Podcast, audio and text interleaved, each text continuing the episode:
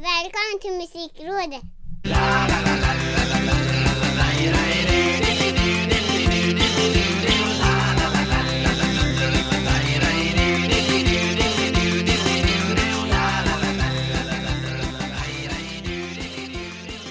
Är det så att Musikrådet har kommit fram till avsnitt nummer 70? Att Ja. det är lite så här högtidsfyllt för mig som heter Micke Mjörnberg och håller på att bli sjuk Och Ricky Holmqvist som är frisk som en nötskrika höll jag på att säga Men det Ja, säger man väl inte Men det är, en, är- det är en fin fågel så vi säger så Som är på gränsen till övertänd. Ja Men Detta 70 ändå avsnitt, ja men avsnitt 70, det är något speciellt med det. Det är lite Rolling Stones, Bruce Springsteen eh, ålder. Ja Vi har nått, nått upp i. Du skämtade lite om det att nu har vi, eh, kan vi bli medlemmar i Rolling Stones när vi är Mm. 70 Mm. Men eh, jag vet inte riktigt hur gamla de är Om man kanske måste vara 80 Nej jag vet inte. Ja precis, vi kanske kan bli så här prospects. Precis, hangarounds Ja precis. Jag har ju spelat trummor, det kanske öppnar sig en liten liten eh, lucka där nu Efter den här Ja. tragiska bortgången Charlie Ja Watts precis. Och jag får väl sikta in mig på eh, Mr Jaggers eh, plats då tänker jag. Rörelserna har jag ju. De Ja, ja, ja, du är ju ganska lång så du kan ju svaja fram Mm. ganska bra där Jag tänker Ja, liksom men hur precis. du kan swagga till Sympathy for the Devil Ja, ja, ja, ja. Sången eh, löser vi. Det är inga problem. Men apropå Sympathy for the Devil För att göra en krystad övergång Vi måste ju börja lite här någonstans I den här märkliga nyheten Som väl kanske inte var så märklig Eftersom många kände väl till att han pluggade och allting sådär Eh, Men att Hiphopartisten Promo plötsligt är anställd som jurist på en juristfirma Ja. Ja. Den eh, såg jag inte riktigt komma. Det enda som är sig likt är eh, frisyren och skägget som är kvar Ja, precis. Det, det, ja. det, det kändes lite sådär när man såg honom stå i en eh, jättefin kostym.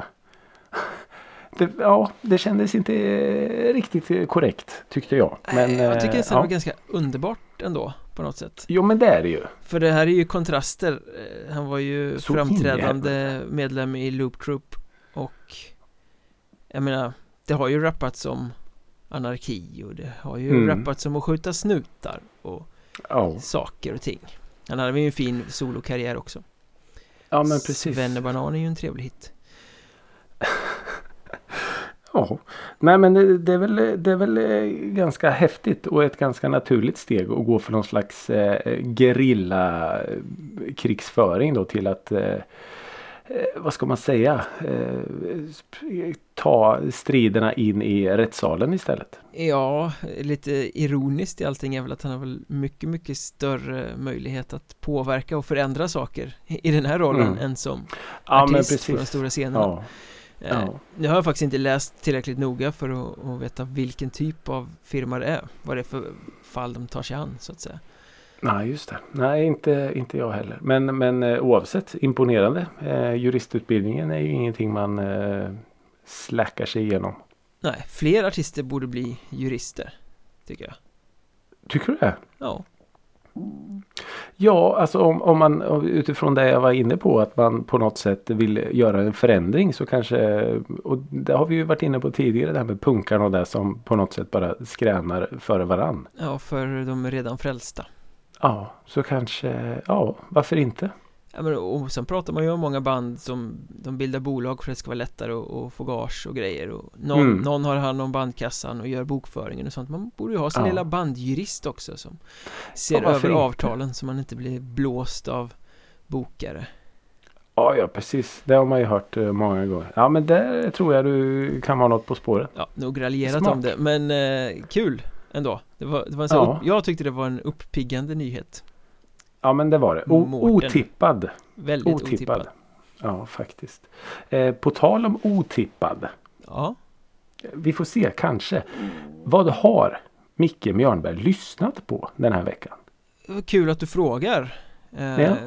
För det är ganska otippat kan man säga Ja, jag förstod nästan. Och det har Ja. lite en koppling också till promo utan att Mhm. ha med hans musik att göra Men om man tänker den eh, eran där han var stor Då, då lät ju hiphop på ett helt annat sätt Mm. än vad den kanske Ja, gör idag med stelopererad Oh ja. gangsterrap och, och urseriösa eh, fängelsekunder liksom sådär.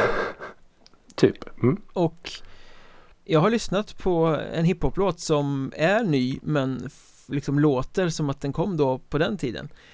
Ah, Eh, okej. Och det är då artisten Meshy Oklart om det är så det ska uttalas men som tillsammans Mm. med Det är liksom ett helt radband av eh, med eh, artister här DJ Large, Okej. Uff, Erk, Erk eh, Jack Moy eh, Som tillsammans har gjort en låt som heter Utslängd Mhm. eh, Den här matchen ingår väl i, i kollektivet MMD som står för Make My Day Stockholms Okej. baserat på något sätt Mm. och jag blev så glad när den här låten dök upp För att det var liksom som en, en, en Man kastades tillbaka 10-15 år i tiden till hur hiphop lät då Ja, just det. Just det Mm. här svängiga eh, Ah, Jag vet inte om jag sa det men, men, lå- men låten heter Utslängd eh, och Ja, Okej. Ja men väldigt så att det Det svänger Det är inte nödvändigtvis Mm. så jäkla coolt utan det Det är svängigt och Det är lite dialektalt och det behöver inte Mm. låta eh, häftigt bror Utan Ja, just det.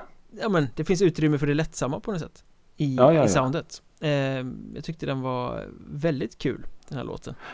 Lite välkomnande faktiskt från all eh, den hiphop vi, vi eh, öses över av idag. Ja det bröt av på ett jättefint sätt. Och sen bläddrade jag lite i, i diskografin här och hittade att han har samarbetat en del då med PSTQ från Mobbade barn med automatvapen Just det. Mm. var det väl han var med i va?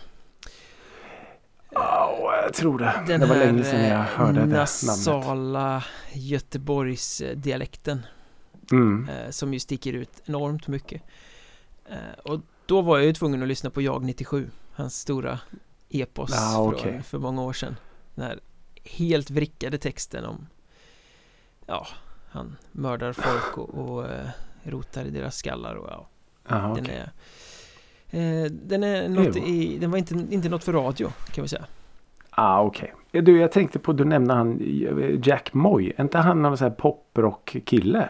Jo, absolut, om det är han. Det finns Ja. ju en som heter Jack Moy och Glöden Glöden. Ja, just det. Ja, eh, som har släppt en hel del ganska sköna låtar. ja verkligen. Eh, Men jag såg där också när man botaniserade bland låtarna att det är väldigt mycket namn som återkommer och flyter in och ut och någon är med på någon låt och Okej. liksom, så det verkar ju Ja. vara väldigt kollektivartat. Lite som eh, maskinen var i början. Ja, kanske.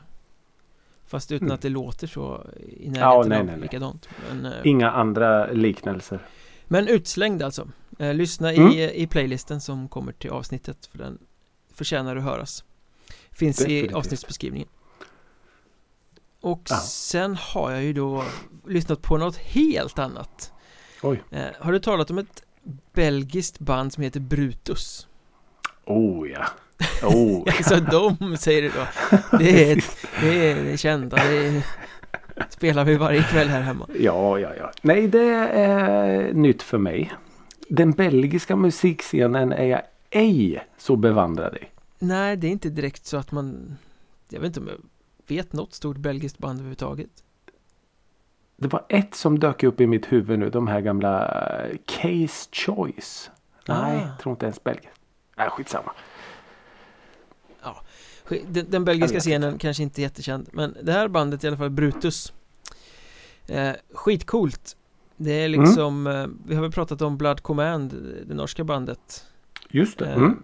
Några gånger och det här är väl eh, Lite samma skola Mm. Väldigt mycket attityd En skitcool tjej som sjunger Och så eh, hårdrock under liksom Och Det jag fastnade på var en låt som heter Drive Som var liksom Mm. eh, Ja men den var stenhård men samtidigt väldigt melodiös Och desperat Ah, och okej. snygg Om du tänker dig att det är såhär Maja Ivarsson-spydigt Mm. Fast Åh. mycket, mycket hårdare än The Sounds Men just Lite den, så att det d- just den- dryper av den här attityden. Ja, jättemycket attityd Ja, i, i sången och Ganska Åh, dissonant.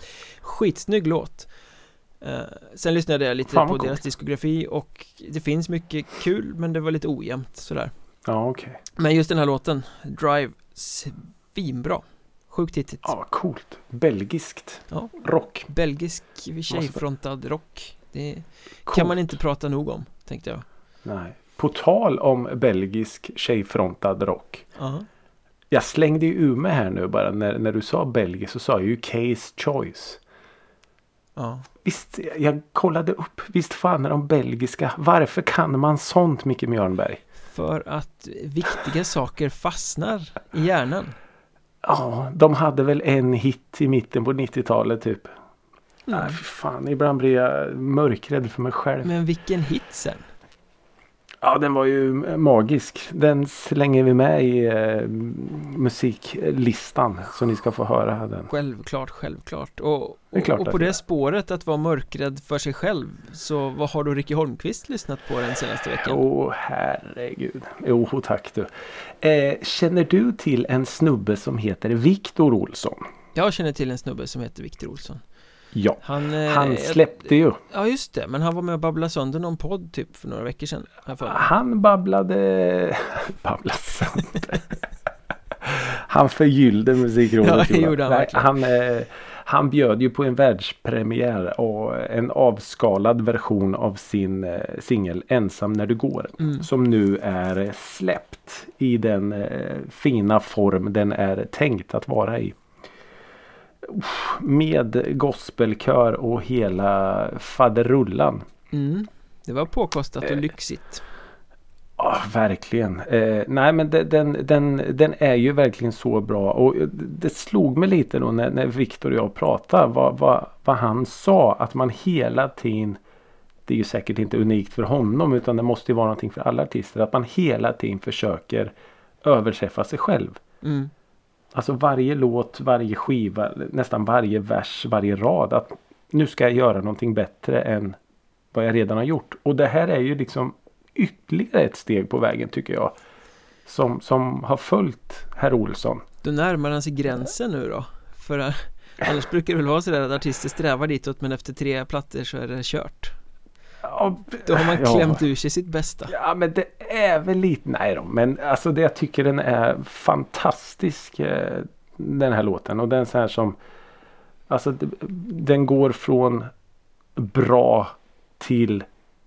Alltså så kommer det här gospel. Jag ska inte spoila för mycket. Ni får höra själva. Men, men när man liksom tror att låten inte kan bli större och mäktigare. Och ja så, så händer det något. Och då har den ändå nej, öppnat otroligt med häftigt. ganska svulstigt bongotrummande Mm. För att sätta tonen liksom Ja, så eh, ja, det, det ska bli eh, väldigt, väldigt intressant att se eh, vart det bär hän härifrån. För att eh, ja, jätteroligt. Man, man blir väldigt glad när man hör den låten. Blåögd soul. Så jag, jag gillar det. Mm. Så bara den. Och sen så. åh, jag har snubblat igen. Mhm. Jag letade efter en låt på Spotify. Eh, och gick igenom du vet, så här, alla listor, alla listor. Så lyssna, lyssna, lyssna. Och sen på någon gammal soundtrack-lista tror jag. Fråga mig inte varför jag har sparat den men eh, ja. Så hittar jag en, en låt från en grupp som heter The Head and the Heart. Mhm. Känner du igen eh, bandnamnet? Det var ett fint bandnamn men det säger mig Ja. ingenting faktiskt Nej, in, inte mig heller. Jag hade hört talas om, om eh, bandet förut. Men det var inte det Men du de- letade efter? Du... Det var definitivt Nej. inte det jag letade efter. Men de, i alla fall den låten som var med på den här listan heter All We Ever Knew. mm. Och det var bara Oj! Wow! Vad i Hur har det här lyckats undkomma mig? Om du tänker dig att det är någon slags blandning av Killers i lugn version Mm. som på något sätt är förenat med Codaline när de är som svulstigast. Ja, så att det bygger upp och bygger upp och det bygger upp och det blir ganska maffigt utan att bli arena-rockigt. Ja, ja men jag tror jag fattar Codaline för En övrigt, lite vilket jävla band Ja, oh, tack. Eh, en, en, en, liten så här fjäderlätt indie-pop-låt som ändå bjuder på ganska tuffa slag. mm. Helt sjukt. Från ingenstans så bara wow. Oj. Men är det något band som fortfarande existerar eller? Ja, oh ja, och de, de, det var lite roligt med för jag gick in och bläddrade vidare i diskografin och de har liksom flera låtar över så här 100 miljoner stream men inte alls samma stuk utan lite mer eh, lågmält balladigt eh, så medan den här låten var lite eh, mer upprymd. Den Eh, fina ankungen mm. så att säga. Ja men precis. Och aj, jättekul. Ja, Jag älskar att man fortfarande kan bli så här knockad. Wow! Vad är det här för låt? Igen! Igen! Åh, igen! Ja men det blir ju så. Igen, igen. Men inte den där jävla låten igen! Förlåt, den här sista gången. Eh, och sen så har jag lyssnat på eh, rykande färsk musik igen från Johannes Reihe och Hanna Järver. Okej. En duett. Med låten En duett. Mm. Med låten, åh, känn på titeln. Suddig i en cocktailbar. Aj, aj, aj, aj, aj. Mm. Det kan gå åt vilket Har vi håll inte som helst. alla det där. varit där? Har vi inte alla varit där? Eh, oj, sprött som ett höstlöv. Vilken fin poplåt. Slutar Eh. eh, positivt.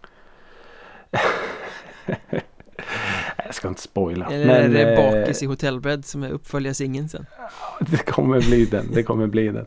Nej men det är oj, jättefin poplåt. Eh, Hanna Järver sjunger ju som en, en eh, gudinna och sen Johannes Reihe har vi ju har ju jag i alla fall nämnt innan med hans eh, gamla låt Tom. Ja, just det. Eh, Mm. Som jag pratade om för, för länge sedan. Och jag b- börjat lyssna mer och mer på han faktiskt. Han eh, är en otroligt eh, duktig eh, textförfattare och eh, skriver, gör låtar och skriver texter som är sjukt underskattade. Ja, Att jag man här- det ganska mycket i skymundan. Ja, verkligen. Som, jag menar, han, han förtjänar ju att nämnas med ja, de, de, de större. Kanske inte de största men eh, förhoppningsvis i sinom tid så kommer han att nämnas bland alla de andra popsnörena där uppe. Mm. Så, eh, men suddig i en cocktailbar i alla fall är ännu ett steg på vägen till ära och berömmelse hoppas jag. Ja, får man vara i musikrådet så. Ja, ja bara det är ju för andra gången. Ja, men att få vara med i musikrådet Det eh, finns ju en viss samlingsskiva som har fått vara med Många gånger vid det här laget Ja, vi, men nu, nu vi får måste det vara prata sista. om Metallicas Blacklist För sista gången Ja. ja, som nu officiellt är släppt. Ja, helt rätt. Den höll ju på att läcka lite som någon sorts Mm. droppande kran där i en månad eller något innan Ja, ja, typ så. Dålig packning där eh, Men nu är hela kalaset släppt och det finns ju en låt som det måste pratas om Som Ja, det var väl egentligen där vi började ja, det hela höjdes det här. ögonbryn när nyheten blev offentlig att Per Gessle Ja. skulle tolka Nothing Else Matters Mm. Per Gessle, Metallica. Hmm, Ja, tänkte väl alla. Ja. Ja, herregud, det tänkte man Jag ju. tänkte väl i och för sig, hmm, det här blir intressant. Ja, Och det blev det ju också, faktiskt. Ja det, det, det blev det. under namnet PG Roxette så alltså jag skulle nästan säga att han har gjort en av de bättre tolkningarna på hela plattan. 53 artister eller vad det är Eh, Ja, av två anledningar. De- Dels så vet ju alla att jag är lite svag för honom Och hans eh, mm. sockersöta pop serenads snickrande. Och lägg till då att han gjorde ju faktiskt så att han tog Alldeles för många gjorde låten rakt upp och ner Utan att göra så mycket med den.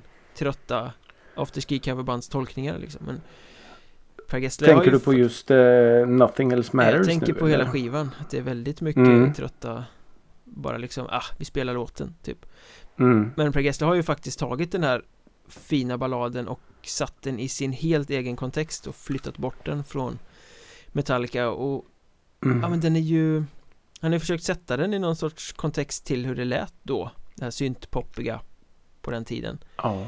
ja, faktiskt. Och den är ju så mörk för att Eh. vara Per Gessle så är den ju Übermörk Ja. Ja, det är den ju. Det är ju helt eh, tvärt emot hans normala låtkatalog kan man ju säga. Vilket är ganska häftigt och vågat. mm. Skulle jag ju säga. Nej men jag, jag, jag, jag håller med. Det du säger att det är ganska eh, Jag blev positivt överraskad på något sätt. Att, eh, att han vågar göra en så pass mörk version och en så pass annorlunda version. Ja, För jag menar, jag tycker ju till exempel att han, han sparkar en sån som Miley Cyrus. Alltså av banan. mm. Om man jämför de två versionerna. Eh, och jag menar hon då som har både alltså Miley Cyrus och Elton John och, och eh, Robert eh, Trujillo och allt. Chad ju Smith, shit. inte att förglömma. Ja precis.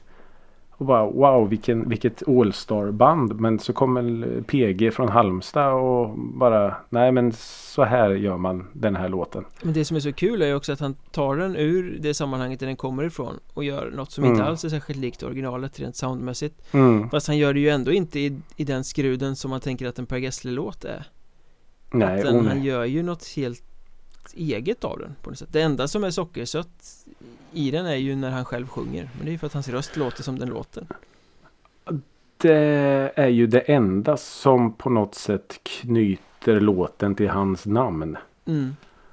Eh, annars så hade det ju kunnat gått att mörka ganska bra att det var en eh, att Per Gessle låg bakom. Ja, verkligen För det är ju den här tjejen då. Jag antar att det är samma tjej som, som är med och spelar med honom nu. Ja, det är två stycken Det är väl Helen- Helena Josefsson Helena, och just det. Dia Norberg, kan hon heta så? Ja, Ja, jag är inte helt hundra att- på namnet men det är, de, det är de två i alla fall Ja, jag tror det är hon Helena va som var med på någon hans förra skiva och sjöng. Så hon har ju en, en röst som är helt otrolig. Ja, hon sjunger ju på de här eh, svenskspråkiga ja, avskalade just det. Superbra Mm. sjunger hon Ja, hon har ju en, en, en otrolig röst. Och jag vet inte om, om, om... Ja, hon gör ju också mycket. Absolut. Och sen är det ju som, som jag skrev till, till dig när vi pratade lite om det här innan. Att det är, det är synd att eh, Per Gessle eller eh, efter alla år som internationell superstjärna fortfarande är så dålig på engelska. Jag tycker det är lite grejen också det, det blir ju samtidigt lite charmigt. Ja, För det är ju liksom han. Det är hans eh, trademark. Att han fortfarande. ja men Började han uttala Hans- klockrent så skulle det inte vara han längre Nej, jag funderade lite på det också. Om han på något sätt skulle anstränga sig och du vet och Nothing else matters. Skulle börja sjunga sådär. Då tror jag det skulle bli så här. Nej, den tror jag inte på. För övrigt är jag eh, mäkta imponerad av mig själv över det uttalet. Ja. Matters. Ja, du kanske Mm. kan få vara med på nästa samling Idioter tolkar Metallica. Ja, lite så Varför inte? Eh, Sen var, det andra svenska inslaget var ju inte lika bra Det var ju Ghost Ghost. Som Nej, gjorde Enter Sandman och det blev en av de här karaoke-versionerna De gjorde inte så mycket med låten Eh, det var ju mer en vanlig eh, liksom fritidsgårdscover. Ja, och Tobias Forge medgav väl det i någon Aftonbladet-artikel också att eh, Ja, de var mellan turnéer och han inte göra något speciellt så de tog en låt som de redan hade repat lite på Mm. och spelade in den och så fick det vara så Ja, det stod väl att de hade typ ja, men en vecka eller två veckor på sig. Och då visst, då kan man ju förstå. För en, en sån här grej vill man ju ändå vara med på liksom. Ja, fast jag. det är ju så tråkigt ändå för att Ghost är ju kända för att göra så in i helvete bra covers Mm. Jag menar Ja, oh ja, Bible oh ja. och, och um, Here Comes the Sun och Mm. allt vad de nu heter De har ju gjort så jättemycket bra covers Så det är synd liksom att det bara blev en sån här Mm. version bland tusen andra Ja, för den försvinner lite i mängden. Var likadant med, eh, eh, nu kanske vi inte ska fördjupa oss för mycket i den här skivan. Men ett sånt band som Weezer var jag jättenyfiken på. Nej det blev ju De hade också gjort Ja, nej, de hade också gjort Enter Sandman. Precis som vilket garageband som helst. Bara rakt upp och ner samma. Eh, Jättetråkigt. Fan när man har en sån här chans. Eh, ja, det är synd att så många inte tar den och gör något eh, unikt och, och eh, helt utanför ramarna. Säkert jättekul på en Weezer-konsert om de drar fram Enter Sandman i det sammanhanget Garanterat. Eh, För då är det så liksom utanför kontexten Men här blir det ju Mm. Men här var det ju upplagt för att man skulle göra något Utöver det vanliga Ja, ja precis.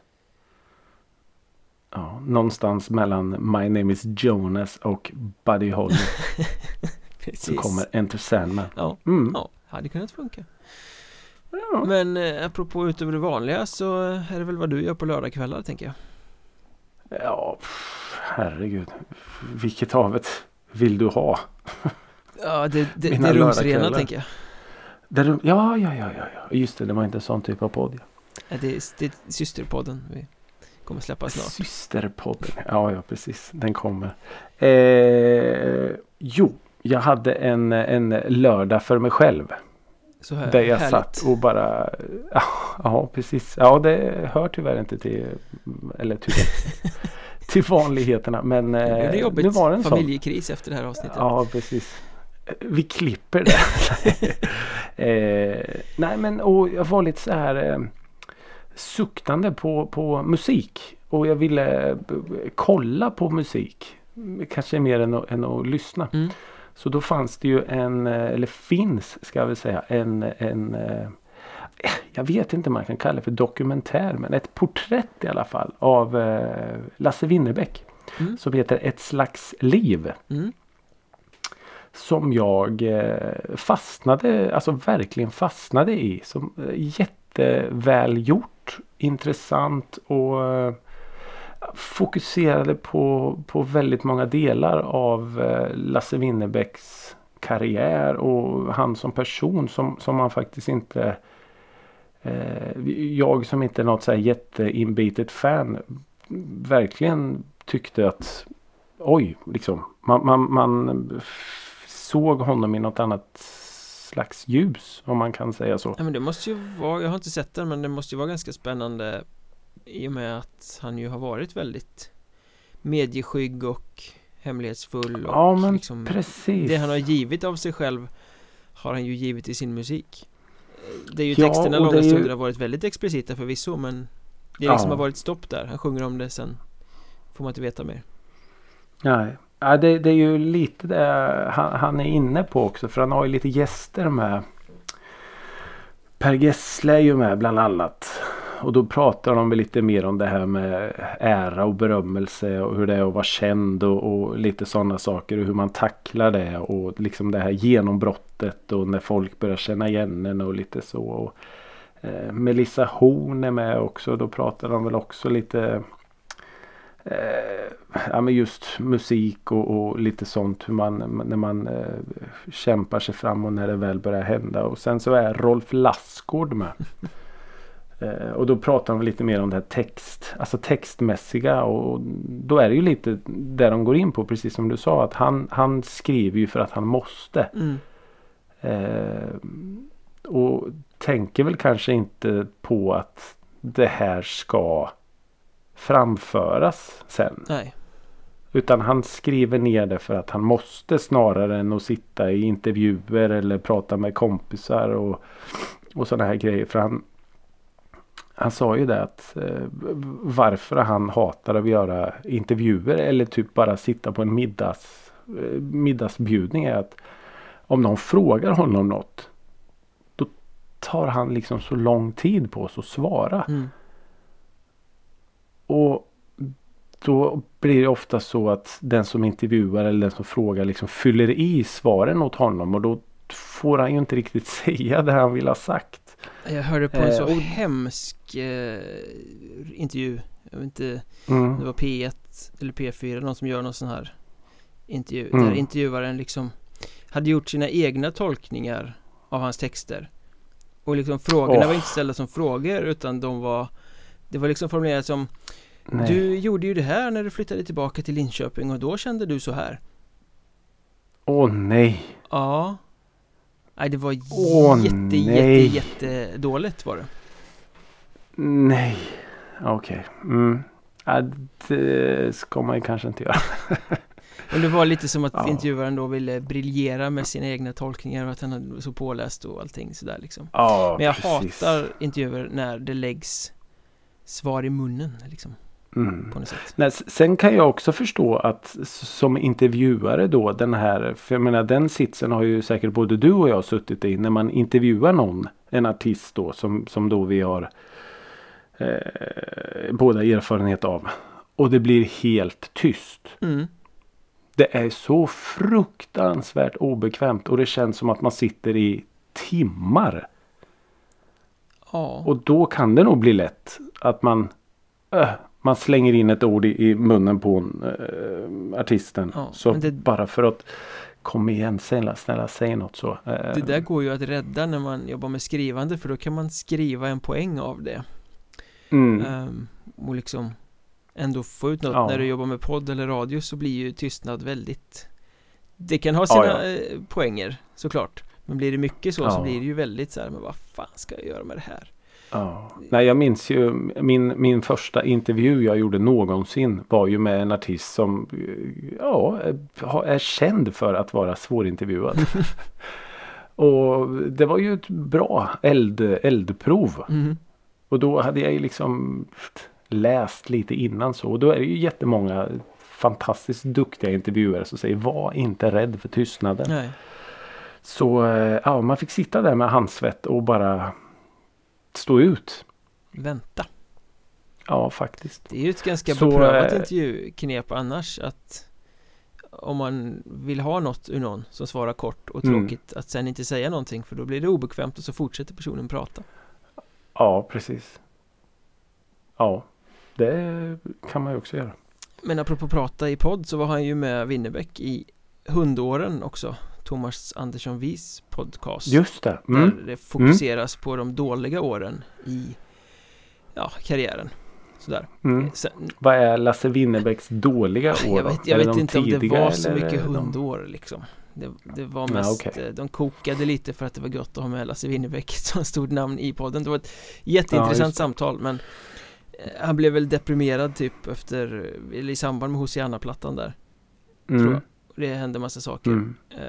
Och det förärades med tre meningar liksom Det var rätt uppenbart att det hade han inte velat prata om Så det, Nej, precis. så det Ja, handlade ju nej. mer om när han liksom Gjorde det här som alla nya musiker gör eh, Spelar på pizzeria Ingen lyssnar, Ja, hankar sig fram liksom. Ja. det, det var inget specifikt för honom, jag vet inte om man kan kalla Nej, det. hundår Men jag älskade en passage eh, När han berättade att han spelade där på någon pizzeria i Linköping och Han visste liksom att, ja men vissa lyssnar, vissa vill bara äta Andra tycker att det är obekvämt Mm. att han sitter där och, och spelar gitarr När han liksom Mm. berättar att Ja, jag är ju sån själv, om jag går på restaurang då vill jag ju inte ha någon som sitter och spelar gitarr Ja, Det är precis. jävla obekvämt och Jag Ja. älskade Lasse Winnerbäck i det tillfället, för exakt så är jag också det är här, Jag är här för att äta Jag vill inte ha någon jävla Ja, underhållning men lite så är det. Det är man ju faktiskt. Att man, eh, man eh, går jag inte dit för spelningen då, då vill jag bara att det ska vara en restaurang. Ja, exakt Lite så är det. Nej men just det här du, du nämnde med hans eh, dåliga mående och allt. Det tar han ju upp betydligt mer i, i eh, det här porträttet. Ett slags liv. mm. Eh, där han då med egna ord berättar vad, vad som hände och hur han mådde och allt. Och vad som sker i kroppen innan han går upp på en scen. Och, ja, det är jätteintressant. Jag fick verkligen eh, lite så. Jag vet inte om man ska kalla det för någon slags ny respekt eh, för honom. Men, men eh, mm, jag, jag gillar eh, själva det här hur han vågar lämna ut så mycket av sig själv. Ja, För att vara en ganska så introvert person. han kan ju framstå Den bilden man har i alla Ja, fall. han kan ju framstå som ganska pretentiös Fast egentligen så är det nog bara att han är en rätt vanlig snubbe Ja, Som ja. kanske gärna inte hade varit så där offentlig Nej men precis. Och jag vet inte, han, han verkar inte alls trivas i den här liksom, rollen som någon slags eh, Alltså Som han själv säger då att folk har mina låtar som någon slags religion. Och jag förstår inte det. Nej, Och ja, det, vad, vad häftigt det måste vara. Och på något sätt också surrealistiskt när, när lite som vi pratade om med, med Viktor Olsson då. När, alltså det här när folk sjunger dina låtar som du har suttit vid köksbordet och skrivit. Och sen helt plötsligt är det ja, i Lasse Winnerbäcks eh, fall då liksom 10-15 tusen i Linköping som sjunger med. Alltså så jävla surrealistiskt. mm. Det måste ju vara helt sjukt. väldigt sjukt han då suttit och, och mått dåligt och skrivit de här och sen helt plötsligt är det massa folk med tårar i ögonen som står och skriker för fulla halsar. Ja, sjukt. mm. Men spännande ändå otroligt spännande och jag kan varmt rekommendera det här porträttet Ett slags liv. Har du något annat videotips när du ändå är i gasen så att säga? Åh herregud har jag. Uh, återigen en, en uh, samma ensamma lördag. nu förstår ni hur jävla uttråkad jag var. uh, sitter på Youtube och bara söker runt på allt musik och, och allting. Och så kommer jag in på någon kanal. Hos en snubbe som heter Rick Beato. Mm. Eh, som är någon slags musikproducent och musikexpert. Allt i allo vad jag förstod. Tok och han har någon... skulle jag säga. Ja, han, han är en tokdåre. Eh, som har någon eh, massa olika serier. Men han har bland annat en som heter What makes this song great? Mm. Där han då ja, bara låtar som han själv tycker är bra. Eh, plockar ut och helt enkelt dissekerar. Bara vad gör den här låten bra? Han bryter ner dem i beståndsdelar verkligen. Ja, totalt. Och den första låten som jag eh, liksom klickade in mig på var ju eh, Slipknots Before I Forget. Mm. Det här liksom... En sån här låt som man har hört hundratals gånger och ja, den är ju bra. Men där han då svarar på att det du trodde var bra med låten. Det hade du inte en aning om. Det, det är den här anledningen mm. till varför låten är bra. Och man sitter och bara Ja, det är ju därför jag tycker den är bra. För då liksom isolerar han. Ja, här hör ni hur de gör på den gitarren och sen så kommer andra gitarren in. Sådana här saker som när du lyssnar inte alls lägger märke till. Och det här lilla trumfillet här från Joey Jordison. Det, han, sitter, han är ju så nördig själv och bara Oh my god it's great! och så tänker man, alltså det är som en sån här god maträtt. Så bara, jag, jag älskar den här maträtten. Jag har ingen aning om varför, varför såsen är så här. Nej, liksom. precis. Men sen då så kommer kocken ut och jo men du tror jag bara har gjort en vanlig redning. Men nej i själva verket så har jag lagt i rökta baconspån i. Nej men så här. Ja, det är så otroligt nördigt men väldigt väldigt fascinerande samtidigt. Eh, och det var en massa, massa, massa, massa låtar som jag gick igenom. Men, och alla är precis samma sak. Det är så små, små, små saker som gör att till exempel den här eh, Foo Fighters Everlong. Mm. När han isolerar det här. Den som är någonstans. Där är liksom en tjej som är med och sjunger. Som man aldrig lägger man, märke till. Som man aldrig lägger märke till och så bara, jaha, då har man liksom eh, Dave Grohl och en tjej då som eh, sjunger den lilla stycket. Jaha, och det är klart att det påverkar ju hur det låter fast man inte hör hur det låter. Alltså förstår ja, men det är samma sak som när det ligger liksom en liten syntmatta i bakgrunden.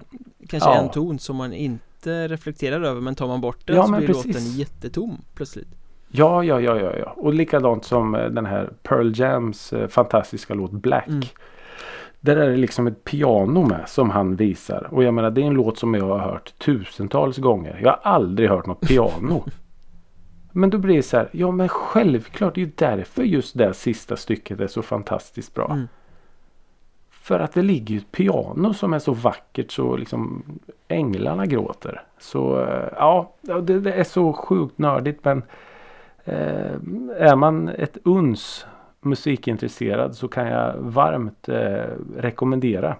Verkligen. Eh, och han, han ger ju samtidigt lite eh, tips också utan att liksom veta om att han gör det. För att ja, men hur du går in i en refräng till exempel. Att det kommer ett litet, eh, ett, det händer någonting med låten innan refrängen eller innan bryggan. Ja, men bara så små, små, små, små saker. Små knep kan man säga för att liksom höja låten. Mm. Eh, eller krydda eller vad man nu vill kalla det för. Så, ja, jätteintressant. Verkligen. Jag var jag satt som fastspänd i timmar där. Jag tycker det är så skönt i början på det här Before I Forget klippet också. När liksom mm. man visar, ja På skivan spelar de så här du, du, du, mm. Men det är svårt Så live låter det som ja. att de spelar så här du, du, du, Ja eh, Och då spelar Ja, de riffet på ett helt annat sätt när de spelar det live Mm. Det har man ju, man har ju sett den låten live massa gånger och aldrig någonsin reflekterat över att de spelar den på ett annat sätt än vad de gör i studioversionen Nej precis. Det, är sådana där saker som, som är Ja jag vet inte. Det, jag, jag har eh, jag, jag, kommer komma till det lite senare. Man älskar ju nördandet och- Ja, det är otroligt intressant. Otroligt intressant. Oh, nu blir jag alldeles varm i kroppen. Ja. Eh, då, då får jag ta och ta ner dig lite grann då Genom Ja, att gör vi kastar oss in i hiss och diss, hög och mög eh, Ah. Vi tycker bra och vi tycker dåligt Det här Mm. segmentet som vi har förstått att ni tycker om eh, Ja. Så då kanske vi borde ha med er lyssnare i det någon gång eh, Vi får väl se Inte i diss-segmentet då, för det ska jag ge mig på nu Det är min tur att dissa Kör. Och vi, vi ska hänga oss kvar lite vid samma spår som vi har pratat om faktiskt I, i det här med Winnerbäck och hans dokumentär och Att han faktiskt Mm. eh, pratar eh, Han har ju varit medieskygg överhuvudtaget så det här handlar väl Den här dissen handlar inte om hans artistkategori kanske utan mer om den här Okej. eh, artistkategorin som gör väldigt mycket media Mm. Och vi har ju varit inne tidigare på eh, vad vi tycker om den här eh, cykeln som skivbolagen krampaktigt håller fast vid Släppa platta, turnera Släppa platta, Ja, turnera Mm. Att det är så det funkar liksom, att du kan inte ge dig ut och Mm. turnera utan att ha släppt en platta och Allt det här gammalmodiga Som borde varit skrotat Mm. för länge sedan och Ja. På samma sätt Så är det ju så att Alldeles för många Artister Gör bara media När de är aktuella med någonting Ah, ja. ba- Så är det Band. Y ska släppa en platta Då Mm. gör de intervjuer och så gör de intervjuer Med alla som anmäler sig liksom Det är så här långa löpande bandet dagar där artist, eh, Ja. i, Journalisterna avlöser varandra Ja. eh, Och vad är det som händer då? Får jag gissa? Det blir samma jävla svar. Exakt, det blir samma intervju fast i 40 tidningar Mm. eh, Och jag har börjat Mm. störa mig mer och mer på det här För jag liksom ägnar mig lite då och då åt att gå tillbaka och läsa eh, Jag läser ju nya grejer såklart men också gå tillbaka och läsa Gamla tidningar och man ramlar över nya artiklar med, Som man inte har läst tidigare med band som man gillar och sådär Och det är ju Mm. verkligen Det är ol- 40 olika namn på den som har skrivit men det är exakt samma artikel Svaren kommer bara i lite olika ordning Och det blir så Ja. jävla ointressant Mm. på samma sätt som att Ah, nu ska vi släppa platta, nu ställer vi upp i lekprogrammen Så har du Mm. Ralf Gyllenhammar som sitter i varje jävla lekprogram för att det är typ han som ställer upp och sånt eh, Men Ja. liksom Jag förstår inte riktigt den här att man håller sig fast vid det tänket För vad är det som Nej. gör att en artist och vad en artist tänker gör Varför är det bara relevant när man släpper något nytt? Det borde ju finnas relevanta grejer med Ja. artister jämt Ja. ja. Det känns som att jag hellre pratar med en artist under arbetet eller precis innan. Mm, För det känns som att artisten har mer att säga då än vad den har när skivan är klar. då är det ju bara en marknadsföringsapparat Ja, ja, ja, ja, ja. Och samtidigt, och det här har ju du varit inne på eh, mer än en gång. Att överlag är det ganska låg kvalitet på eh, intervjupersoner. Eller vad säger man? Intervjuare. Mm, Att det blir ju de här standardfrågorna och då blir det ju samma svar i alla medier oavsett om det är en eh, blogg eller tidning eller podd eller vad det än är liksom. mm. Fan våga gå utanför. Ja men lite Det här så har vi varit inne och stört oss på förut. artist ställer upp i tre poddar i samband med Mm. ett eh, skivsläpp Då blir det tre Mm. likadana poddar Mm. Och man blir besviken som konsument för bara, Åh nu ska jag få höra den här sångaren berätta om så, Hej, okej men det här Ja. var ju det jag hörde för en timme sedan i den andra podden Ja, ja precis. Ja, ställer du den, okej Eh, Så att jag menar, gör lite mindre media i samband med ett släpp då, hypar det och sen Gör grejer Ja. längs med vägen Men tror du att det är eh, artist? Vem, vem, vem tror du att det är vi kan skylla på? Vi måste ju skylla på någon. Bolagen ja, det är Det är enkelt för dem att styra upp liksom För jag tror inte artisterna är liksom främmande för att ställa upp i en podd eller en intervju som är annorlunda. Nej, nej, nej absolut De inte har ju inga problem med att svara på andra frågor. Absolut inte Eller i alla fall inte de flesta Det är klart det finns ju de som Som är liksom sådana Nu gör vi press Nu gör vi inte press Ja men sådär Ja, ja. Men, Ja, men många gånger kan det vara så att bolagen liksom säger Nej De är inte aktuella med något nu så de gör inte media Och så ställer de inte ens frågan Mm. vidare Nej, precis. Som, som jag fick en gång när jag eh, skrev till Håkan Hellström. Om, eh, jag skulle vilja göra en intervju med Håkan Hellström och fick ett svar från någon person som jag inte alls hade mejlat till att han, eh, han är inte intresserad. Nej, har ni frågat honom då? Har du inte med att göra? Nej, faktiskt inte. Nej men jag tror det om man ska liksom Föra den här dissen vidare till något konstruktivt Ja, Att med tanke på hur världen Musikvärlden omformas Det blir viktigare att turnera, man släpper låtar Jag tror det blir viktigare och viktigare för en artist att Bli relevant Genom att öppna upp och göra ja, intervjuer och media även När det inte är eh, släpp Det går ju Mm. mer och mer åt att man visar upp sig i, i eh, sociala medier Sin putsade fina bild ja precis. Liksom sådär. Men det finns ett stort, stort värde i att någon annan ställer frågorna och gör skildringen. Eh, Ja. Om det är duktiga hantverkare som är journalister och det finns ju hur många som helst som liksom kan göra väldigt mycket intressant kring en artist som artisten själv aldrig hade tänkt på eftersom man är så inlåst Ja. i sitt eget sätt att fram, liksom, föra fram sig själv. Ja men precis och jag, jag kan ju bara se till mig själv att jag är nog mer intresserad av en artist när den inte är vad ska vi säga påkopplad. Mm. Autopiloten är Eh, av.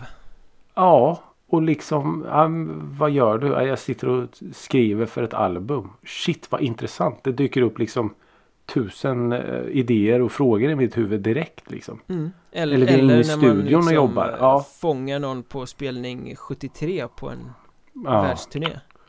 ja. Vad händer i bandet nu? När ni Mhm. ligger på varandra i en turnébuss dygnet runt. Ja, ja. Ja, precis. Uh, no, så eh, så eh, bli inte förvånade ni artister där ute när musikrådet greppar tag i er innan ni är på väg in i studion. Nej precis, det var en ljummen diss den här veckan men ett ämne som jag tycker förtjänar Ja, att- men ändå. Jag- höjas. Ja men verkligen och det känns väl som att det kommer bli mer och mer nu när folk börjar släppa eh, grejer här nu för att man kan inte ge sig ut på någon slags turné om du inte har släppt skiva. Nej, nej, nej, det skulle ju Det får man aldrig inte. gå. Fy. det får man inte. Men vad, Det går inte. vad för positivt har vi att samtala Ja, om då, som en liten alltså- fin avslutning? Ja, du sa det. Du sa ordet alldeles nyss innan eh, du började dissa och jag vill hylla musiknördarna. Ah, Det, det, det kom så automatiskt efter jag hade liksom sett det här och läst det här. Och, alltså de här Bland annat den här då Rick Beato som bryter ner låt efter låt efter låt till molekyler. mm. Och bara så här. Och eh, Peter LePodd. Podden om Peter LeMarcs skivor som bara bryter ner allt. Det är nördigt, jag, jag, har inte och, lyssnat på den men jag såg den här Ja, jag har lyssnat på några avsnitt. listan jag, över jag, intervjuoffer liksom så här, Hans gamla Ja. grundskolelärare eller vad fan Ja, ja, ja. Jag älskar det. Jag älskar det. Och det är väl kanske just musiknördar som jag eller ja, som jag hyllar i, i, i eh, synnerhet. Men, men nördar i allmänhet. Fan vad underbara ni är som verkligen brinner för någonting. Alltså oavsett om det är tennisstatistik eller eh, ja, Volvo-märken eller vad som helst. Alltså verkligen kötta in sig i någonting. Mm. Ja, ja, ja. Hade du frågat mig för liksom fem år sedan då hade jag sagt att ah, hur orkar ni? Men nu är det så här. Jag, jag är en av er. jag är en av er. Men jag tycker som så här när Eh. man tittar på typ Instagram Mm. De här nissarna och tjejerna som har liksom ett jävla gitarrum och så sitter de där och så spelar de bara covers Jag kan spela den här Mm. låten så här fort och jag kan spela Mm. den så här och med den här gitarren och ja, sådär och bara Ja. rådigar och det, alltså personligen tycker jag att det är sjukt ointressant Men Ja. glädjen i det Jag bara, Ja, jag ja. kan fastna och titta på dem där i alla fall Jag Ja, skiter i hur snabbt du kan spela den här AC/DC-låten Men när du står där och rockar loss framför din jävla webbkamera Alltså det, jag blir eh, Jag blir som förhäxad Ja, och jag, jag hade en, en liten period för ett tag sedan där jag gick in och kollade så här eh, reaktionsvideos på eh, Youtube. mm. Med eh, sång, eh, sångcoacher. Sådana här som då är experter på sångtekniker och sånt. Ja, När de reagerar på olika sångare. ja men typ eh, Maynard i Tool och Eddie Vedder eller James Hetfield i Metallica. Och de liksom bara så här. Oh my god. The way he uses his voice in this uh, place here. It's just. Och man bara. Åh fy fan vad coolt. Men egentligen är det ingenting. Men jag tycker att det är så otroligt intressant. ja Men Hur någonting som är så för mig alldagligt blir på liv och död. Ja men är det inte Att det lite är så också liksom- att I takt med att musikbranschen och allting blir så jävla ytligt och glättigt Mm. och tillrättalagt så blir det här navelskådande nörderiet extra viktigt på något sätt Ja. Jo, så är det ju. Och det är ingen slump heller kanske att just de här programmen och det som jag har snöat in på behandlar ofta äldre låtar. Nej, För att de här nya är ju lite mer massproducerade löpande band hits. Som kanske då inte riktigt har det här djupet i sig. mm.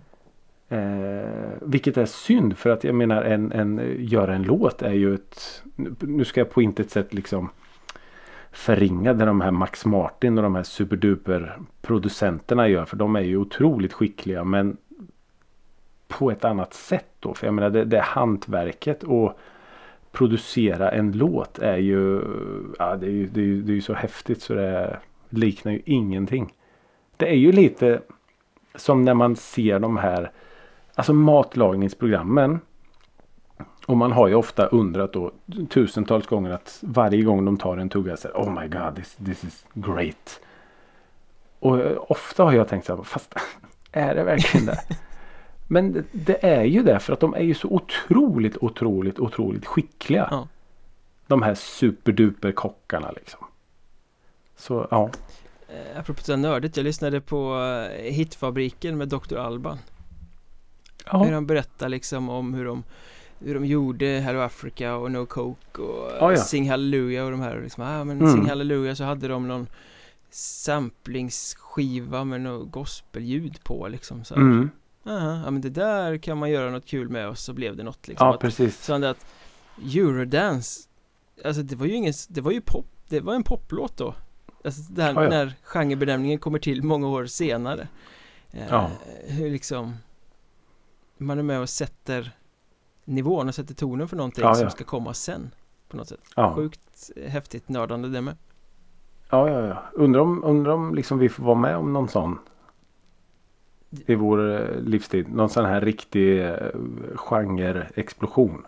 Ja, det är vi väl hela tiden bara att vi inte märker det förrän i efterhand Ja, det kanske är så. Det är sant. Det har du helt rätt i. Men eh, ja, jag vill hylla oss musiknördar. Det tycker jag absolut du ska göra Och apropå explosion så ska jag gå och trycka i mig Alvedon nu för att slippa få en Mhm. feberexplosion tänkte jag Ja, herregud. Krya på dig. Ja, det ska jag göra Tack för att ni har Ja. lyssnat även detta 70 magnifika Oj. avsnitt av Musikrådet Ja. Fantastiskt. Tack så jättemycket för att ni lyssnar och fortsätt höra av er. Jag vet att vi tjatar varje vecka men det är fortfarande otroligt kul. I När ni är- sociala medier Ja, At. Musikrådet Musikrådet på de viktiga sociala plattformarna. Exakt, de väldigt viktiga Ja, inte vilket skit som helst. och inte. framförallt fortsätt sprid Musikrådet gospeln. Ni är underbara.